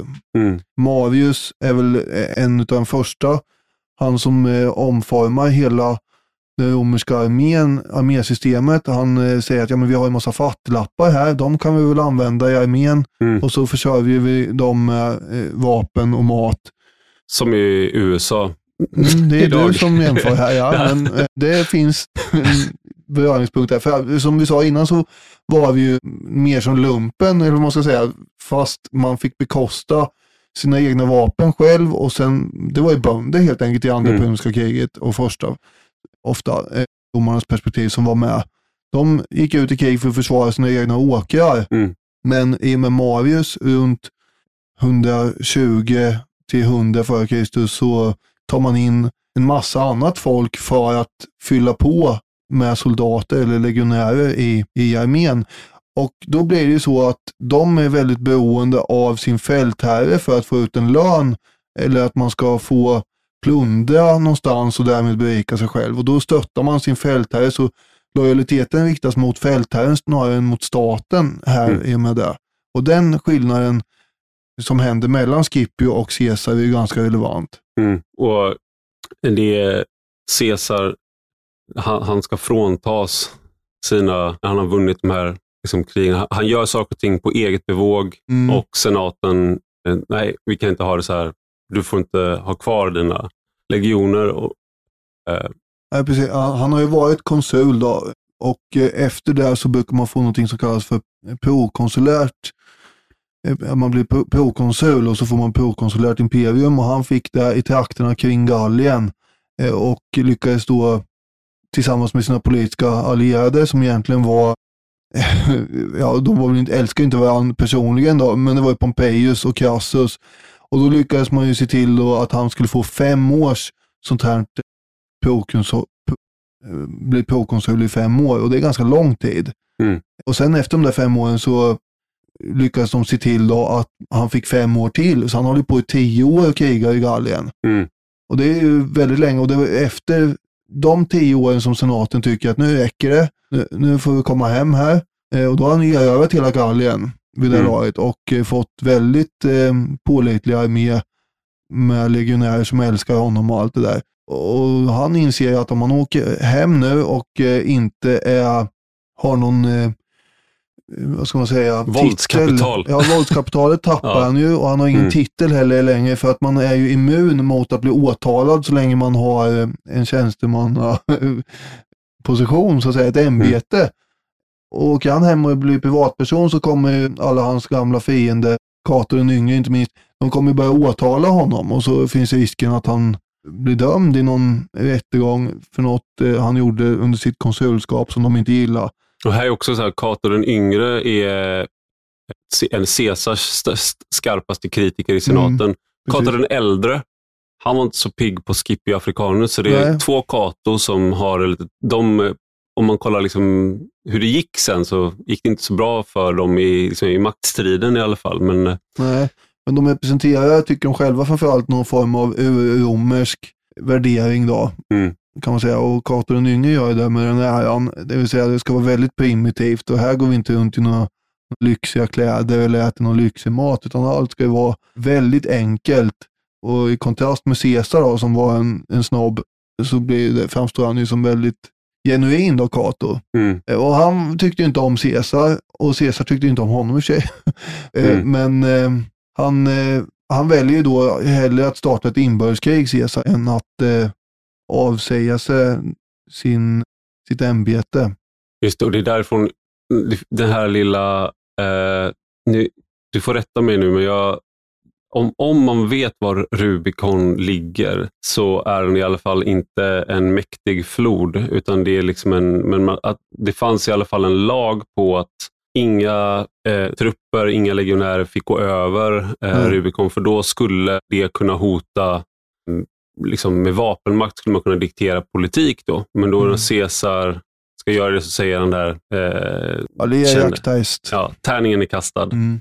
Ja, det är ju någonstans i norra Italien idag som den här floden ska ha legat och eh, jag tror inte man vet exakt var den ligger, men jag nu blir jag osäker bara för det här. Men det är i alla fall inte någon Du har stor... nog rätt i att man inte vet det, men det är, man har i alla fall inte hittat en stor upptäckt plötsligt att ah, här ligger Rubicon, den är ju jättestor. Nej, så är vi ju inte i alla fall. Nej. Det hade, så kartlagt är Italien idag. Ja. Lite hyfsat var floderna finns. Ja, men han går ju över Rubicon och det är ju då, det är ju tärningskast. Nu får det gå som det går. Och han var ju en gambler. Hela hans karriär är ju, bygger ju på att han är beredd att ta risker. I kontrast då mot Scipio som hela tiden såg till att ha en militär utgång om någonting gick snett på slagfältet. Så eh, eh, satsar ju ofta Caesar allt på ett kort och det Mm. får gå som det går. Och ofta gick det ju, oftast gick det ju bra. Om man då tar hans två allierade Crassus, som var den, det är ju därför man är rik som en Krösus. Liksom, det kommer väl från eh, den Crassus, eller är det en annan Det Crassus? är nog eh, från Lydien där. Ah, okej. På eh, ännu längre tillbaka, är på 600-talet då för Kristus. Jag han okej. började- Men han var väldigt Ja, han var väldigt rik. Han kanske var är döpt det. efter eh, Krösus i Lydien då. Nej, men han, han, han var eh, Roms eh, rikaste. Utan tvekan. Ja, och eh, det var den ene som var då allierade tag med Caesar. Den andra var Pom, Pompeius. Mm. Och han är ju inte helt pigg på att Caesar, och han är ju liksom den, om Caesar var segerrik i Gallien och i, i, liksom då i västra delarna av eh, den kända världen så var Pompeius var den som var segerrik i de östra delarna och var fram, framstående där. Och, Mm. och samtida så ansågs han väl vara kanske snäppet alltså, större från början, om man bara kollar från början, vem av de här tycker ni är den, den, den cool, vem har högst level för att prata World of Warcraft? Så hade man nog kanske trott att Pompejus skulle vara snäppet större. Det hade han nog innan Caesar började lyckas i Gallien. Ja, det Mm. hade han ju mycket mer förstås. Han är ju ett underbarn av slag också eftersom han är bara 23 år. Det är rena Alexander-feelingen här på honom, Mm. vilket han själv då tyckte också var bra, för han eh, såg ju upp till Alexander förstås. Och eh, bland de här erövringarna han gjorde österut så eh, besegrade han ju bland annat då Mithridates, en kung där borta, och där skulle ju då en av Alexanders mantlar enligt uppgift ha funnits och den skulle då Pompejus ha haft på ett av sina triumftåg. Mm. I vanliga fall, ett triumftåg är när man åker runt i, i Rom och blir hyllad helt enkelt. Och det var ju varje romares högsta dröm. Och fick man en sån i livet så var det fantastiskt. Och Pompejus uppnådde ju tre Mm. och var ju då, ja, han, alltså jag vet inte vilken rockstjärna man ska jämföra med längre här, men han var en enorm rockstjärna och hans drivkraft var ju... Beyoncé kanske? Ja, ja okej. eh, ja, men han ville ju ha den här berömmelsen. Han var ju en eh, narcissist utan eh, like, men samtidigt så var han väl också, i alla fall när han blev äldre, tämligen sansad. Eh, han var ju inte, eh, hans söner till exempel var ju helt utan både talang och eh, förstånd och han hade väl någon form av förstånd och en Bortskämda skitungar. Alltså det, är så här, det är den klassiska med de säga. som ärver eh, imperiet. De förstås Ja. gör av, slösar bort. Liksom, sådär. Precis.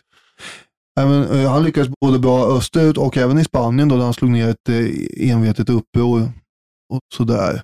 Men sen när han hade lyckats så här mycket så han gjorde ju, det var inget misstag egentligen, det var ju precis så man skulle göra, precis som Skippy också hade gjort. När han kom tillbaka för sina framgångar eh, i östern på 60-talet före Kristus så var ju folk rädda att han skulle göra som en annan eh, fältherre hade gjort som hette Sulla, det vill säga använda sina trupper för att skapa en diktatur. Just det. Och det var Marius och Sulla som var generationen tidigare. Ja. Mm. Och Sulla hade ju då besegrat Marius och eh, gjort det med sina legioner, vänt sig mot självaste Rom. Mm. Sen avgick han ju förvisso som diktator efter ett tag, Mm. men han hade ju ändå använt eh, egna trupper mot hemstaden och det var ju förskräckligt tabu som han gjorde. Och det trodde ju folk att Pompejus med skulle göra efter att han hade varit borta i eh, östern och, och vunnit massa framgångar där. Besegrat sjörövare och allt möjligt hade han gjort med. Men han gjorde ju inte det, utan han sa bara okej nu är jag här, kommer till östkusten där och nu, eh, nu lägger jag ner mitt ämbete. Och folk trodde knappt det var sant. Vad gör han? Det var ju, gud vad bra, nu kan, vi, nu kan vi börja angripa honom politiskt här. För det gjorde man ju ganska snabbt. Såg till Mm. att han ville ju att hans trupper skulle få land och områden att odla på då. Att de skulle få någonting för att de hade vunnit en massa. Men det ville ju inte, för politiken är småsint då som nu höll jag på att säga. Så därför så ville man ju inte att han skulle få den framgången Mm. och bekämpa honom rent politiskt. Och han, han kunde ju ingenting om politik. Mm. Och han ångrar säkert lite grann eventuellt att han hade lagt ner sina vapen så som han skulle. Men Caesar betraktade det här och drog slutsatsen att det, det kommer jag ju inte göra om jag hamnar i en liknande situation. Mm. För han var ju, Han lärde sig av um, Pompejus det han såg skedde honom. det tror jag. Sen Mm. var han ju betydligt mer politiskt slipad än vad Pompejus var också. Mm. Och det, eh, när Caesar går över Ru- Rubicon, när han gör det, då är väl Pompejus där? Alltså han tvingas väl dra därifrån? Alltså i Rom? Ja, det är ju Pompejus som eh, får bära upp, eh, vad ska man säga, fanan för republikens försvar. Och det var ju han nöjd över och helt plötsligt få axla Mm. den rollen eftersom eliten hade ju bekämpat honom tidigare med. Men nu var det honom alla ställde sitt hopp till, kan man säga, Cicero och hela gänget. Men eh, det gick ju inte att försvara den italienska halvan mot Caesar när han kom. Först kom han bara med en legion, men sen var det fler som fyllde på. Man, man lyckades inte få upp tillräckligt många legioner för att försvara Rom och då tog eh, Pompejus de han hade och flydde med till Grekland och tänkte att där ska jag nu bygga upp ett försvar och sen anfalla Mm. eh, Italien igen med, med mina trupper här. Men Caesar hann ju före och kom till Grekland istället. Men här är ett sånt där tillfälle där historien hade kunnat vara... För vi, du har ju ändå den goda smaken att ha med en förlorare i... i man säger ju alltid historien skrivs av segrare. Men om du segrar mot någon och det tar för lång tid eller det är väldigt svårt, då kan det vara bra att berätta bra saker om den som du vann mot, men alltså en förlorare. Hannibal är en sån, alltså Hannibals briljans är viktig för Rom, för också att förklara varför det gick som det gick och det tog så lång tid. Då måste han ju vara... Men annars är, är, är, dyrkar man ju bara vinnare och Pompejus... Gör man det? Det, eh, det finns ju ganska många sådana här um, de vackra förlorarna. Hannibal ja. är en av de största, jag menar inte vacker som utseende, men det, det blir ju någon form av, åh vad nära, vilken, vilken episk berättelse. Mm. Ja, if only. Andra är då Karl XII och Robert E. Lee och i amerikanska inbördeskriget och sådana här karaktärer som har radat upp en del framgångar men sen lyckas de inte ta i mål, eller vad man ska säga, och systemet mm. är inte tillräckligt starkt egentligen som de hade bakom sig och sådär. Mm. Så att visst finns det förlorare som, eh, som eh, blir mytologiserade också. Jo, det, det är sant, men det, det, finns någonting med eh, att man ska studera vinna. Alltså man, det finns en anledning till att det är Alexander den store och inte de han besegrade som man ska komma ihåg då till exempel. Jag, mm. jag tänker på att man har eh, olika förutsättningar ibland. Så jag tänker även om, om du är Alexander den store, alltså du besitter alla de här egenskaperna, personliga egenskaperna, men du står på Konstantinopels murar 1453. Mm. Vad kan du göra med all den här briljansen? Så vilka situationer kan du klara? Och, och då liksom att du har en... Eh, du är kanske den som förlorar, men du, du kanske borde ha vunnit om det hade varit samma viktklass, så att säga. Ja, du är den bästa boxaren. Det är bara det att du väger 50 kilo och den du möter väger 120, men han är, mm. han är, han är kass. Liksom. Men det är bara det att träffar han med ett slag så är det slut. Det är ju en väldigt bra och målande beskrivning av eh, det hela. Och då, och då tänker jag, Pompejus, en skillnad här är ju att som du var inne på, att han är briljant. Han är liksom en, en stor strateg. Han, är, han har fler inom republiken på, på sin sida än vad Caesar har, alltså de här mm. i eliten. Och när de möts då i det avgörande slaget i Grekland så säger en del i alla fall, det här slaget vid Farsalos, att om Pompejus hade fått vara Pompejus fullt ut så hade han kunnat fortsätta med alltså, eh, mm. att trötta ut, för Caesar hade eh, vissa bedömare hälften så stor armé mm. ungefär. Eh, Caesar hade förvisso, då, som du skriver, hans, han hade mer erfarna trupper. Men på många sätt så bor, alltså, borde, inte, borde det inte vara så att vi minns Pompejus istället här? Liksom? Alltså, i, i, i, liksom, om man tänker så att 2016 eh, när, när det var val så var det ju helt, alltså, det var ju liksom alla trodde att eh, Hillary Clinton hade vunnit och vann och skulle vinna. Mm. Alla trodde att Storbritannien, och så här, om man tänker sig om man rullar tärningen då, som Caesar gjorde. Om du rullar tärningen tio gånger, hur många gånger vinner Hillary Clinton hur många gånger vinner Donald Trump? Det är så här kontrafaktiskt tänkande, men då skulle Hillary Clinton fortfarande, skulle jag vilja hävda, även om det, då, det var rimligt att tänka att Hillary Clinton skulle vinna. Mm. I typ sju mm. av tio fall ungefär. Mm. Om du rullar tärningen tio gånger, hur många gånger vinner Caesar mot Pompejus i det här avgörande slaget. Ja, nu är det, ju, det är ju inte en tvekamp som sagt, utan det är ju deras trupper som är med här. Och ja. eh, då är det ju som sagt så att de är ju mer erfarna, eh, Caesars. Sen eh, är det ju en massa andra omständigheter som gör att Caesar är ju rebellen här. Han är den som håller ihop sin sida. Utan honom så fin finns det ingen anledning att strida. Medan Pompejus kan ju inte dela ut order på samma, vad ska man säga, diktatoriska sätt som Caesar kan i sin armé. Utan Pompejus måste hålla på och sitta och förhandla med en massa folk som är politiker, senatorer och de har sina egna intressen och tycker att eh, nu ska vi göra slut på det här. Som du säger, om han fick bara vara Pompejus så hade han nog inte helst eh, haft det här slaget vid Farsalos. Utan det blir han ju mer eller mindre tvingad till av folk runt omkring som håller på att tjata på honom. Och han var ju, han, han, han tålde ju inte det här stackaren. Han, han gillade ju inte det här med grupptryck och han ville ju ligga, vara till lags mot de här som han mer eller mindre hade kämpat hela livet för att eh, vara som och bli accepterad av. Mm. Men han ser ju att om vi inte skulle gå i ett slag här nu så sitter ju Caesar i skiten. Han kommer inte kunna försörja sina trupper i längden om vi bara kan svälta ut dem eller tvinga dem att röra på sig hela tiden. Han hade ju bara eh, strax tidigare kommit från ett slag där han hade besegrat Caesar. Mm. eh, Som hade varit på flykt och kom, fick fly ifrån den situationen vid Dyrrakion.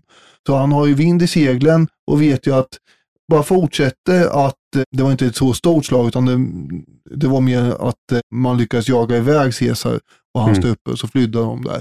Men hade, man, hade han fått fortsätta vara Pompejus med sin strategi så kanske till slut, troligen faktiskt som du säger, hade ju Caesar fått gå under då på något sätt. Mm. Med svältande legionärer och missnöje som hade kanske börjat sprida sig och sådär. Jag tänker om, om, om, om hans, de som var nära Pompejus, om de hade lärt sig rätt historisk läxa från eh, de första 15 åren mot Hannibal, så var det Mm. att Fabius, det var ingen ära i det han gjorde, men det Nej. funkade. Ja. Eh, om Pompejus hade fått vara lite mer Fabius Maximus och lite mindre Scipio Africanus. Mm. Jag tänkte en sak man skulle kunna ta med sig från din bok, det är det här En sak. Ja. Nej, det En, finns, en jag enda sak. att det finns en fler. enda sak. Ja, det finns ganska mycket fler, men jag tänkte det här med audentes fortuna luvat. Min, mitt latin är fantastiska, men fortune favors the bold. Alltså det, Mm. Lyckan står den eh, järve bi, ungefär. Och Det skulle man kunna ta med sig om man tänker på Julius Caesar, om man tänker på Scipio Africanus och Alexander. Men tänker man på Pompejus, vissa av de här som förlorar, de förlorar för att de tror att de är Ja. Alexander. Ja, så verkligen. Det är ju inte alltid, alla järvar lyckas ju inte alltid. Så är det ju. Mm. Det är ju mycket tärningar som avgör. Det är ju faktiskt en slumpfaktor med saker och ting med ibland. Jag tänkte jag skulle avsluta då med frågan, den här underbara frågan, eh, om man blir, vad är det man lär sig av historien egentligen och, och varför är det viktigt att veta? Alltså nu har vi pratat, eh, jag, jag har tagit mer av din tid än vad jag tänkte, men det är för att det är så sällan jag har möjlighet att prata om de här sakerna med någon som också är intresserad av dem. Det är Och konstigt. kan, där. mer, kan Ja. mycket mer än vad jag kan om det. När man tittar på eh, internet då så att säga så verkar det som att alla möjliga är intresserade av det här nu för tiden. Så du Ja. borde ju hitta någon då. Men det kanske är att de inte vill prata med mig. Det Jaha, kan vara det. Jag, är, det, det, det. Jag får inte vara med helt Nej. enkelt. Nej.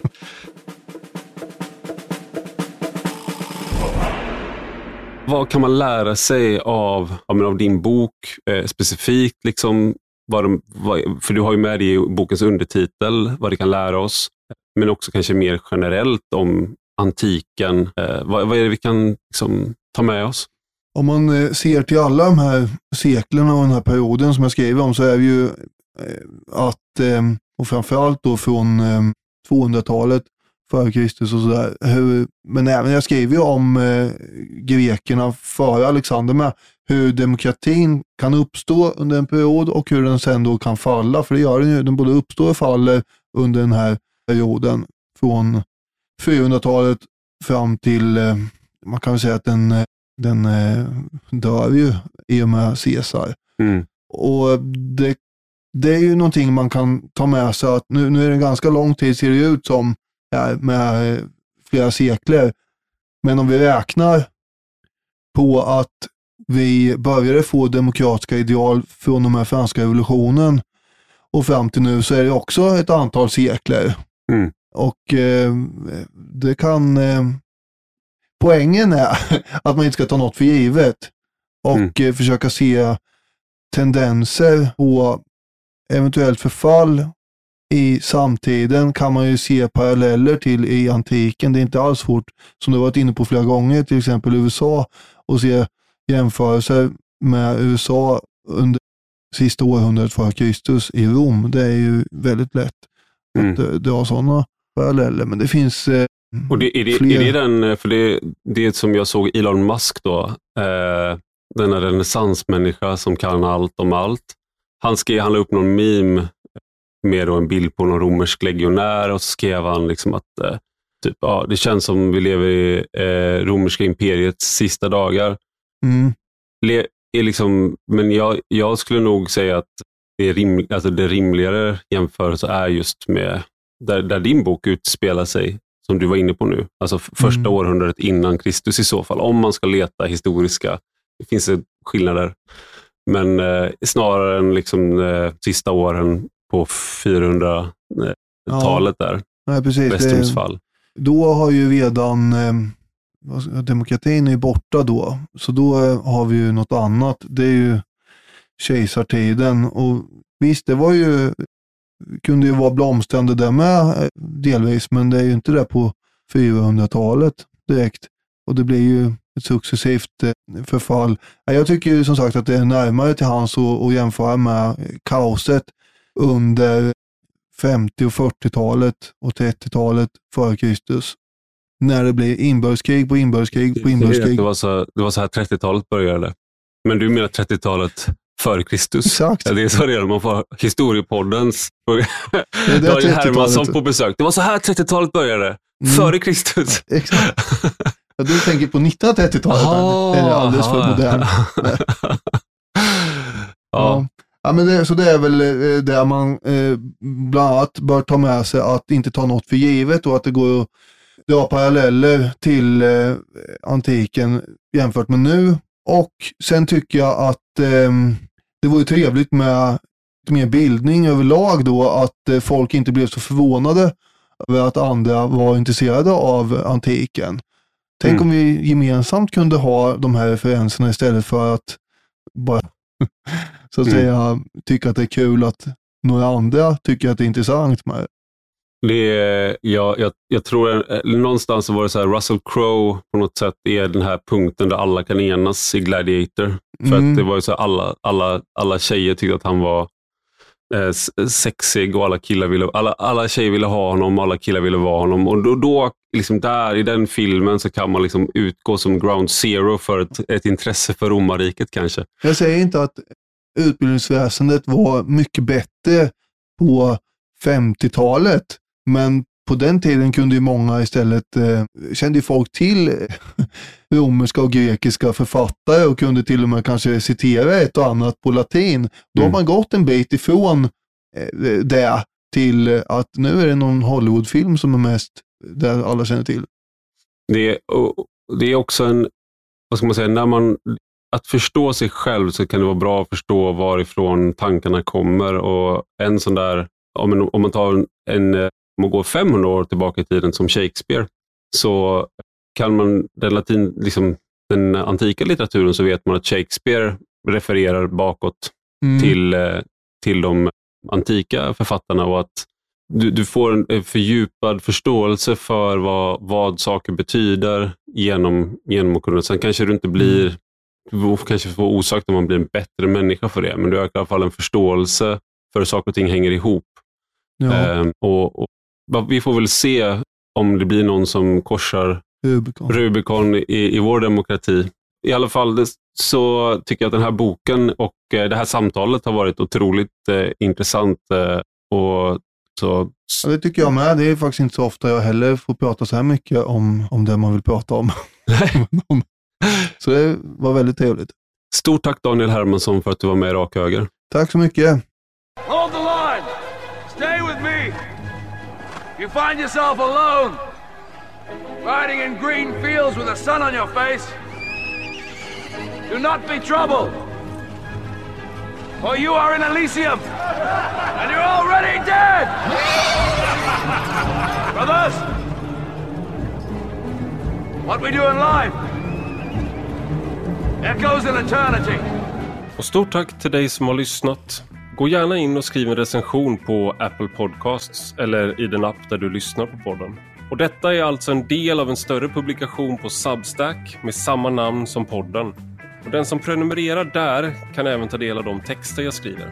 Gillar man det man läser och hör får man gärna bli betalande prenumerant för 5 euro i månaden eller 50 om året. Då får man ta del av lite exklusivt extra material också. Du hittar rubbet på ivararpi.se. Och har du några frågor eller synpunkter kan du alltid mejla mig på ivararpi substack.com. Vi hörs igen.